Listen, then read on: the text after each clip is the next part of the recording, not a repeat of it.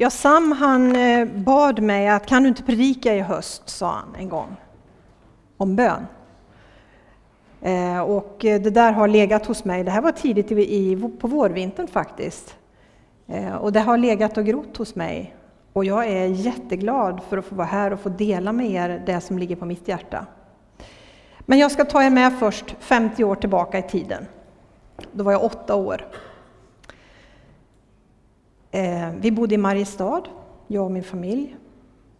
Och jag hade fått ett par nya vantar. Ja, det här är en banal berättelse, men jag tar er med dit därför att någonstans tror jag att det här faktiskt har bäring på det som jag ska säga idag. Jag hade fått ett par nya Lovikkavantar. Sådana där. Mamma hade stickat åt mig. Jag var på väg hem från skolan, hade en skolväska som satt med remmen över så och så var den här, hängde den här. Och jag skulle ta upp någonting ur väskan, tar av mig vantarna medan jag går hem och plockar upp det jag ska ha. Och sen efter ett tag så upptäcker jag, oj, jag har bara en vante. Var är den andra? Och jag blev ganska bekymrad för att det var ju nya vantar och mamma hade stickat åt mig och vi hade inte så jättegott om pengar och det var liksom lite viktigt att jag faktiskt tog hand om dem där.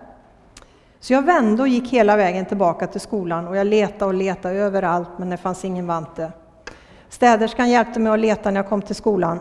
Nej, ingen vante. Så jag tänkte, ja vad ska jag göra? Jag får gå hem. Jag får tala om för mamma som det är. Jag har inget annat att göra. Och så kom jag hem och så berättade jag som det var. Och mamma var ju en klok person. Så hon sa så här, vi ber till Jesus nu och så går vi och letar igen. Så där i hallen stod vi, och så bad vi. Och så gick vi. Vi hade inte gått särskilt långt faktiskt.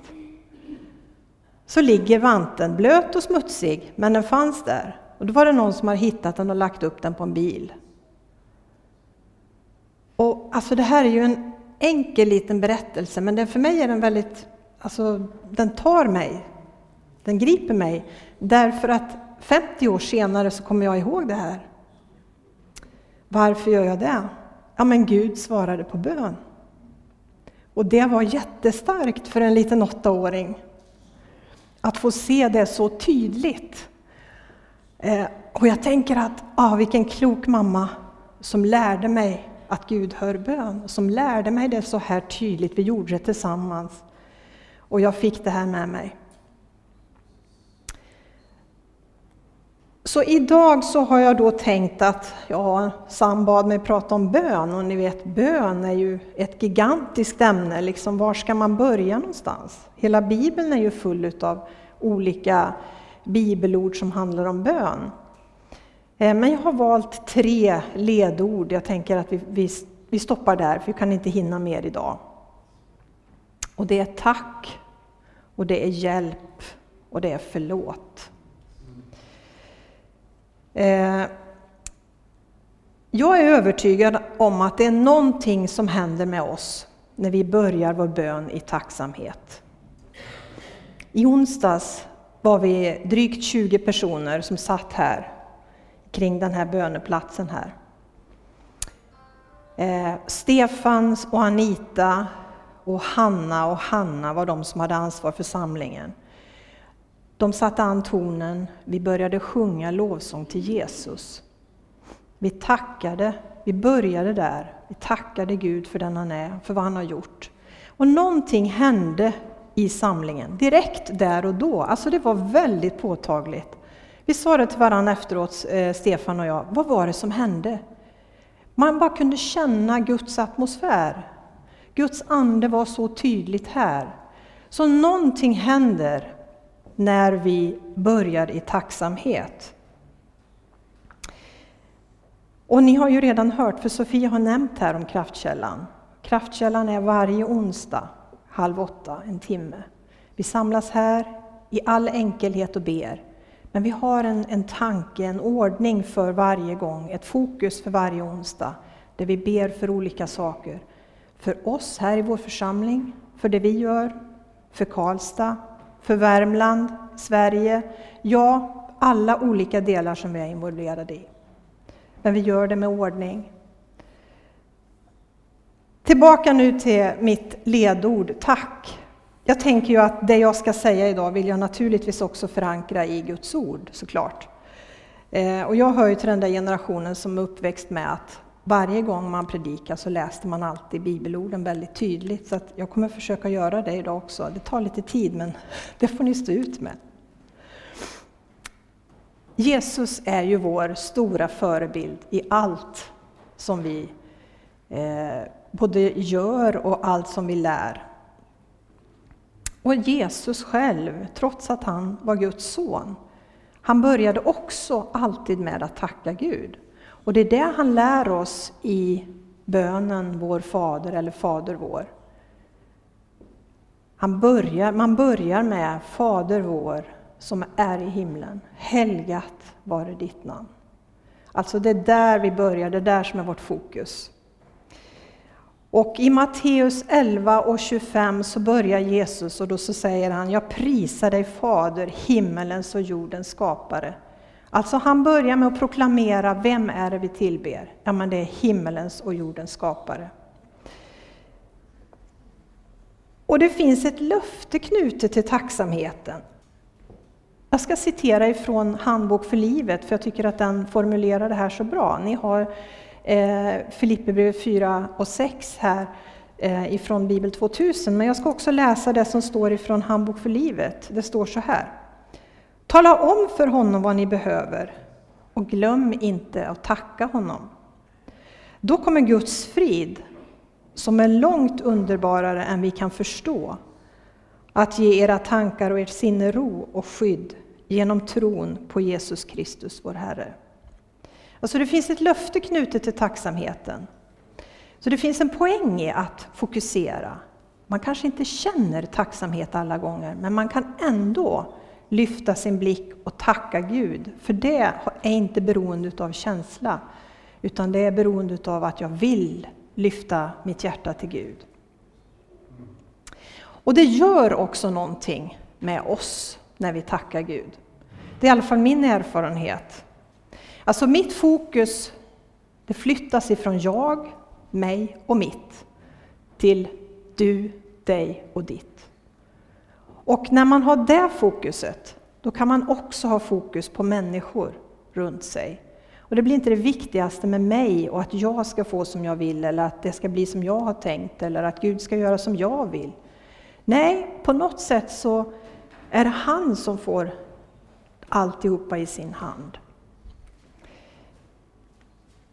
Och jag tänker också det här med att eh, när man har sitt fokus på Gud, då har man också en större möjlighet att se behoven runt sig. Och det eh, står det också om i, i Matteus 9 och 36. Jesus, när han såg människorna fylldes han av medlidande med dem. Och jag tänker att det är så med oss också. Vi behöver ha fokus på honom för att kunna se behoven utav människorna runt oss.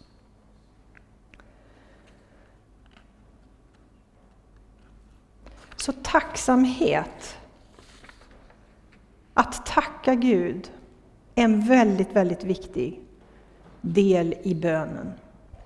Och det, eh, även om vi ber själva hemma i vår egen andakt, så kan man använda de här tre ledorden faktiskt. Eller om vi ber gemensamt här i gudstjänsten, eller när vi samlas specifikt på onsdagarna eller på tisdagarna till lunchbön, eller på torsdag eftermiddag till eftermiddagsbön. Så kan vi alltid tänka så här att vi börjar med att tacka Gud. Mitt nästa ledord är hjälp.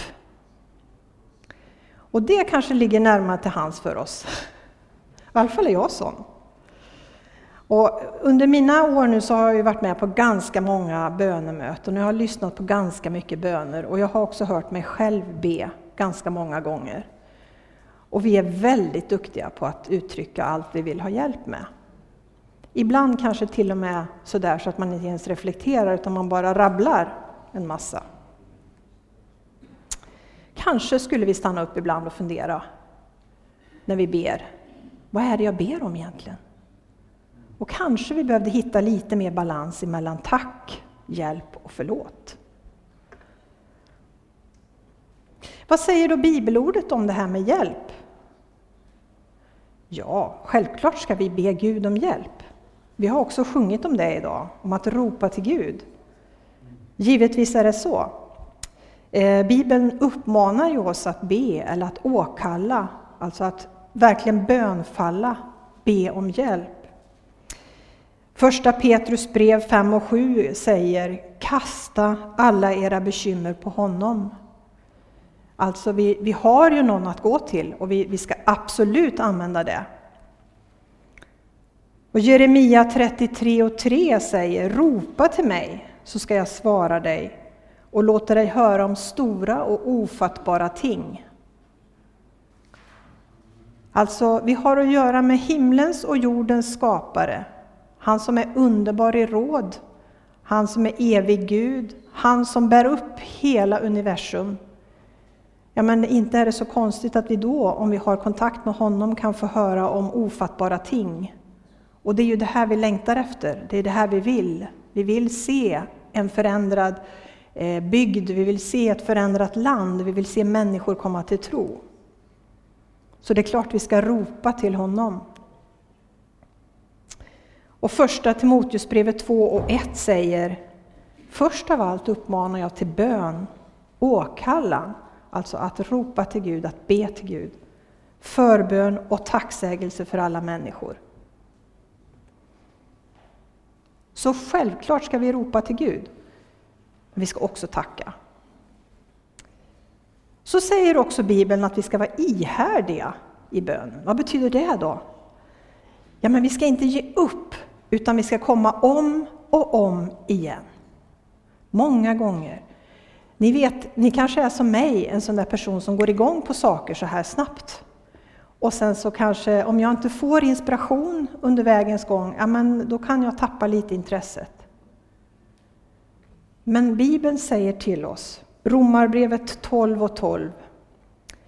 Gläd er i hoppet, var uthålliga i lidandet och ihärdiga i bönen. Alltså ge inte upp, utan fortsätt och kom och be om och om igen. Jesus berättar också en berättelse om änkan och domaren. Änkan går till domaren gång på gång på gång och säger, kan jag få rätt i den här saken? Till slut så ger han med sig. Och så gör Jesus jämförelsen, skulle då inte Gud låta sina utvalda få rätt när de ropar till honom dag och natt? Jo, men det är klart att Gud lyssnar till oss och det är klart att han vill ge oss rätt. Det är klart att han vill ge oss svar på bön. Kanske inte alltid som vi tänker, men han ger svar. Det här kommer väldigt nära mig, för jag tänker så här. Ropar jag både dag och natt? Ja, det händer att jag vaknar på nätterna och ber för människor och ber för mig själv och ber för min situation. Men inte jämt. Och kanske är det inte det Gud menar kanske är det att vi har vårt, vårt hjärta liksom riktat emot Gud både dag och natt.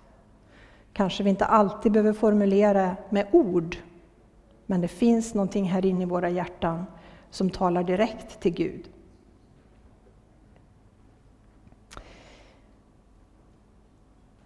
För drygt tre, tre och ett halvt år sedan ungefär så jobbade ju jag här i den här församlingen, eh, alltså var anställd här.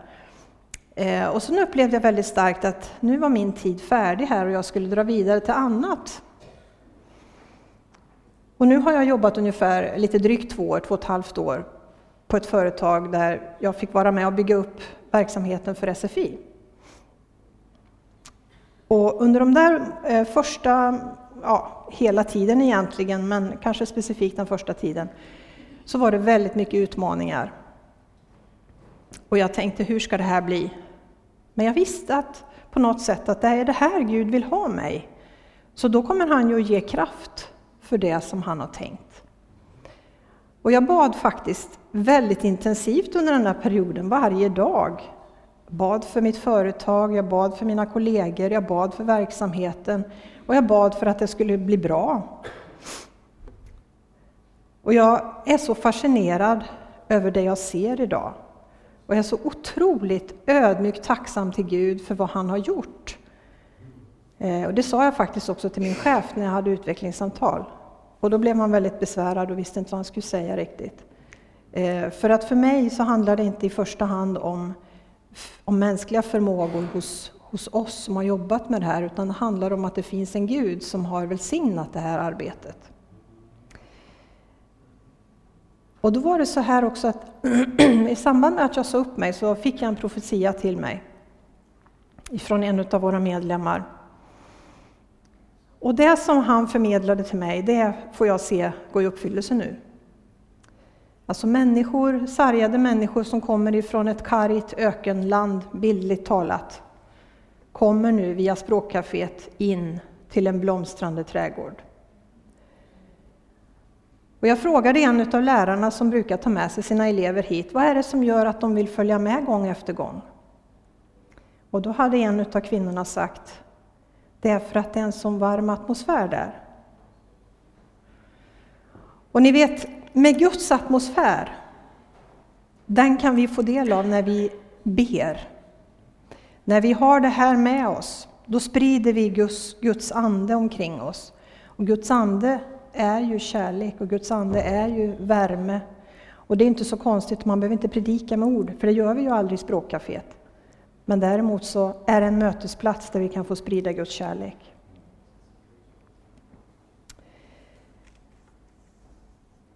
Vid ett tillfälle när vi hade haft församlingsledarkväll här, och det var ganska sent och jag var rätt trött, men vi skulle be för varandra innan vi skildes åt. Och vi var tre stycken som bad för varandra och vi delade de olika sakerna. Och då hade jag just då en sån specifik fråga som jag kände att det här vet jag inte hur jag ska hantera. Och nästa dag så skulle jag ta hand om det där problemet. Så jag bad de andra be för mig nu. Och det gjorde de. Och jag satte mig i bilen hem. Och när jag startade igång eh, bilen så gick CDn på. Och så kom eh, lovsången eh, som är, bygger på texten ifrån Gamla Testamentet. Nu tappar jag bort den. Inte genom någon människas styrka eller kraft ska det ske, utan genom min ande, säger Herren. Precis där var den där, den där lilla strofen. Och jag blev så lugn. Jag fick precis den här friden som jag har pratat om här, som man får eh, när man ber till Gud. Och sen kände jag att jag kunde sova lugnt den natten och nästa dag så kunde jag hålla i det här eh, bekymret, ta tag i det och vi, vi jobbade med det och allt flöt på, på ett sätt som inte jag kunde ha påverkat. Men jag förstår att det fanns någon annan som var med och påverkade det där. Så visst finns det kraft i det här med att be och att be om hjälp. Och jag tänker det är en av anledningarna till att jag har varit med och dragit i det här att vi ska förnya vårt bönarbete i församlingen. Det är att det finns en speciell styrka i att samlas många tillsammans. Alltså att stå skuldra vid skuldra, lyfta upp de bekymmer som finns, tacka Gud för den han är, påminna oss tillsammans vem han är och också lyfta upp det som vi behöver be för gemensamt.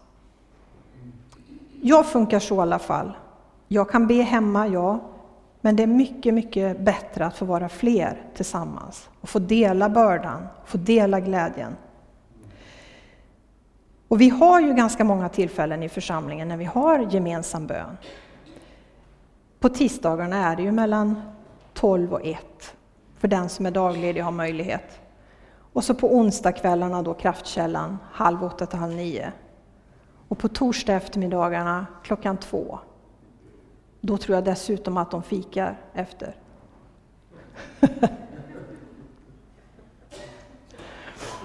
Två tillfällen under hösten kommer vi också fira nattvard på onsdag kväll. 13 september och 15 november. Då kommer vi ha lite speciellt fokus på att be för sjuka. Eh, så vet du med dig någon som är sjuk, lägg gärna en lapp i bönekrukan där när det blir dags för det där, så ska vi ta med dig lite speciellt. Eller om du känner själv att ah, jag skulle behöva det här, kom då. Du är välkommen alltid naturligtvis, men vid de tillfällena kommer vi lite extra att lyfta just den delen. Jag tänker också så här. Man vet inte. Vi vet inte hur länge vi har den här friheten, den här möjligheten. Vi tar det kanske ganska för givet i vårt land. Det är ingen som säger något. Men vi vet inte hur länge vi kommer att kunna samlas och be. Så vi behöver passa på nu. När jag växte upp, när jag var eh, ung på 70 80-talet, så pratade vi väldigt mycket om att Jesus snart kommer tillbaka. Det gör vi inte så mycket idag. Men jag tänker på allt det man hörde då i förkunnelse, så tänker jag så här att om det var nära då, oj oj oj vad vi kan se saker som man pratade om då som går i uppfyllelse idag. Eh, så vi behöver mobilisera i vår församling. Vi har pratat om att tacka och vi har pratat om att be om hjälp. Och mitt sista ledord är förlåt. Ja, men varför ska jag ta med det kanske du undrar? Ja, jag tänker så här i alla fall att för mig är det jätteviktigt. Jag är en människa full av fel och brister och jag vet att jag gör fel hela tiden. Inte för att jag vill eller för att jag tänker att jag gör fel, men det händer så för att vi är människor.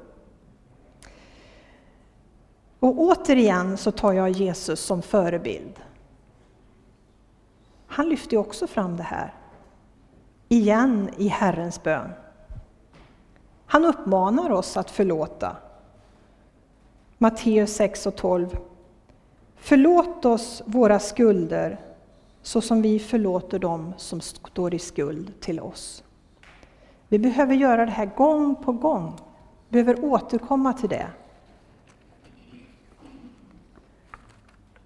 Och Jesus uppmanar oss ju just att göra det om och om igen. Petrus kom fram. Petrus han har ju fått klä skott för mycket egentligen, för han, han var impulsiv. Och, men det är tur att vi hade honom, för vi har fått en bra förebild för oss. Vi är ju en del som kan vara som Petrus ibland. Då kom Petrus fram och frågade Jesus, Herre, hur många gånger ska min bror kunna synda mot mig och få min förlåtelse? Upp till sju gånger? Jesus sa till honom, jag säger dig, inte sju gånger utan 70 gånger sju. Alltså det måste han ju ha tyckt varit lite jobbigt, tänker jag. Skulle jag nog ha tyckt i alla fall om jag hade fått höra det. Men jag tror att det här är precis en nyckel. Vi behöver få förlåtelse om och om igen. Hela tiden. Vi är inte syndfria någon av oss. Vi är förlåtna och vi är eh, frälsta av nåd, ja självklart. Men vi är inte syndfria, så vi behöver be Gud om förlåtelse. Jesaja 38 och 17 säger Du kastade alla mina synder bakom dig. Gud är så stor i sin nåd. Och Jesaja 44 och 22. Jag plånar ut eller tar bort dina synder som ett moln, dina brott som en sky. Det försvinner bort så. Mika 7 och 19. Du förbarmar dig över oss på nytt och utplånar våra brott. Du kastar alla våra synder i havets djup. Vilka löften vi har, hörni! Så nog ska vi väl våga komma och be Gud om förlåtelse gång på gång på gång. Eftersom han på nytt och på nytt och på nytt igen skickar det bakom oss. Jag har upptäckt att, att vara förlåtande, det skapar en atmosfär av ödmjukhet och kärlek. Och det tror jag ingen av oss kan motstå egentligen, för det, det gillar vi ju. När människor tycker om oss, när man känner att någon tycker om mig. Och när någon annan inte är kaxig och på, utan man är lite ödmjuk. Så. Det, det tycker vi om. Och det kan man inte bara skapa så där hur som helst. Men i gemenskap med Gud,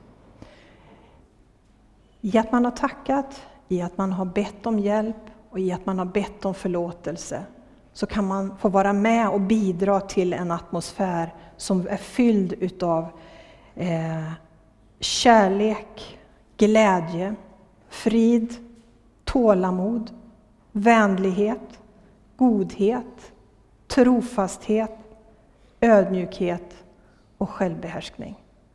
Det är det här som vi brukar kalla för Andens frukter. Alltså det man får som en gåva, eller som blir en frukt utav att man faktiskt umgås med Gud. Nu ska jag strax avsluta och sammanfatta eh, det som jag har sagt idag. Jag tror ingen kan missa nu vilka tillfällen vi har bön. Men för säkerhets skull så kommer de att komma här igen. Jag vet att det är många av er som ber hemma också. Jag vet att ni ber i smågrupper och annat. Och det är, det är jättebra, men vi kan aldrig be för mycket. Vi har en tid framför oss som jag tror att vi kommer behöva mobilisera ännu mycket större eh, när det gäller bönen. Både enskilt för oss var och en, givetvis, men också tillsammans. Vi har många möjligheter, eh, som jag ju redan har sagt. Den gemensamma bönen och nattvarden vid två tillfällen under hösten.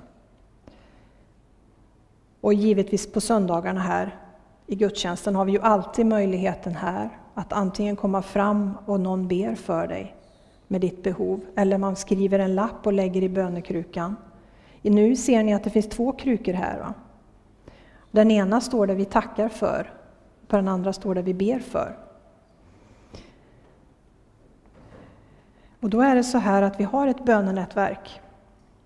Människor som känner att ja, men jag vill ta lite extra tid för att be för det här. Så varje gång som det blir lappar i de här krukorna här så samlar vi ihop dem och eh, så är det Annette Malmqvist som, som sammanställer det här och skickar ut informationen till alla som är med i bönenätverket. Kanske är det så att du också skulle vilja vara med där. Då finns det möjlighet efteråt sen, om du går till eh, informationsbordet där, så finns det lappar där du kan fylla i och där du kan vara med. Eh, skriva ditt namn och din mejladress och ditt telefonnummer. Så får du vara med och dra i det här, be för människors frälsning, be för sjukdom, be för vad det nu kan vara för behov. Men det kan ju också vara så här att du har behov. Och då finns det i alla fall tre kanaler in. Så du kan skicka ett mejl du kan ringa, smsa, kanske framförallt smsa. Och du kan lägga här i bönekrukan. Och eh, det som skrivs, lapparna som kommer in, ser vi alltid till så att inte det, man lämnar ut någon människa utan vi formulerar det så, så att, så att är, man är skyddad på det sättet. Men det här är en möjlighet. Och varje onsdag kommer vi att be för det här och i de andra samlingarna också. Eh, och tacka givetvis för det som, som också kommer in. Och jag tycker det är så viktigt att vi talar om, när vi har lagt ett bönämne där i och fått ett bönesvar, skriv då det på en lapp och lägg i krukan. Vi behöver uppmuntra varandra och förstå att Gud faktiskt hör bön och att han svarar på bön.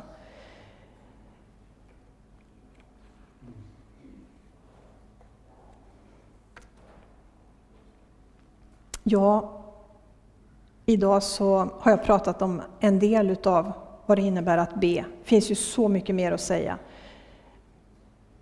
Men eh, att tacka, vi börjar där. Att be om hjälp, det har Gud lovat oss eller sagt till oss att vi ska göra. Vi ska ropa till honom. Och vi ska be om Guds förlåtelse. Det här är tre viktiga ingredienser i bönen. Och det kan vi använda när vi ber själva hemma och det kan vi använda här gemensamt när vi ber tillsammans. Eller i den mindre gruppen, i vilket sammanhang det än är. Det här är en liten del av det som ligger på mitt hjärta. Och jag är så spänd på vad Gud ska göra under den här hösten. För min erfarenhet är att när man börjar att be gemensamt, konkret, tydligt, så gör Gud också någonting. Och de här onsdagskvällarna som, som vi pratat ganska mycket om nu, men, men som vi ändå på något sätt ser som ett nav i hela det här bönarbetet. Där kommer vi att försöka vara lite, tänka lite nytt, vara lite kreativa. Vi kanske kommer att, att gå runt här, vi har gjort så ibland i kyrkan. Vi står här vid dopgraven och ber för dem som just har låtit döpa sig eller för dem som ska döpa sig. Vi står där nere i ungdomslokalen och ber för ungdomarna för de som kommer dit. Eller vad vi nu, hur vi nu då tänker.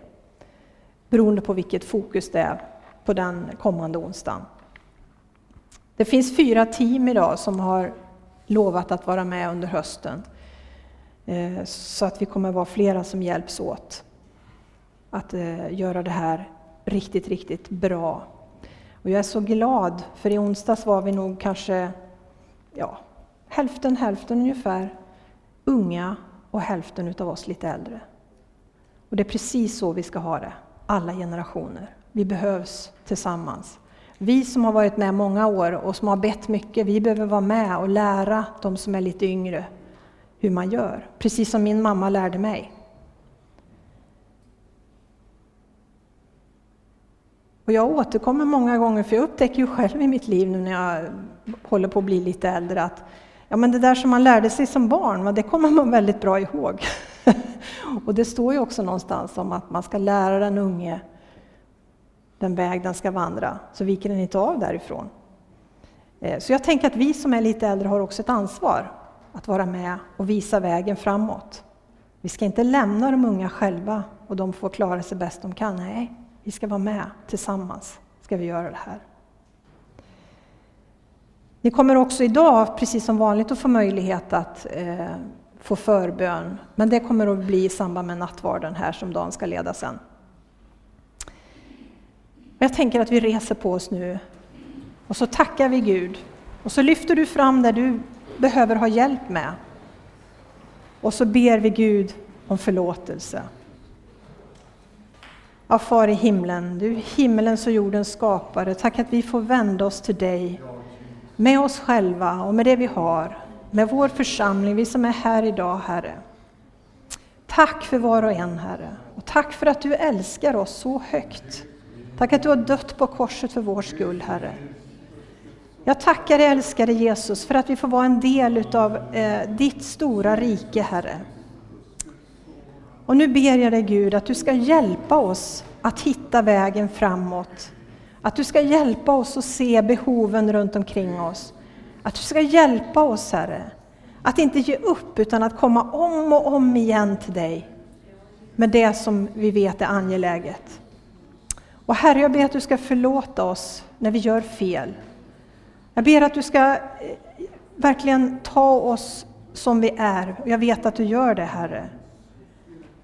Hjälp oss du, Far. Tack för att du hör våran bön. Amen.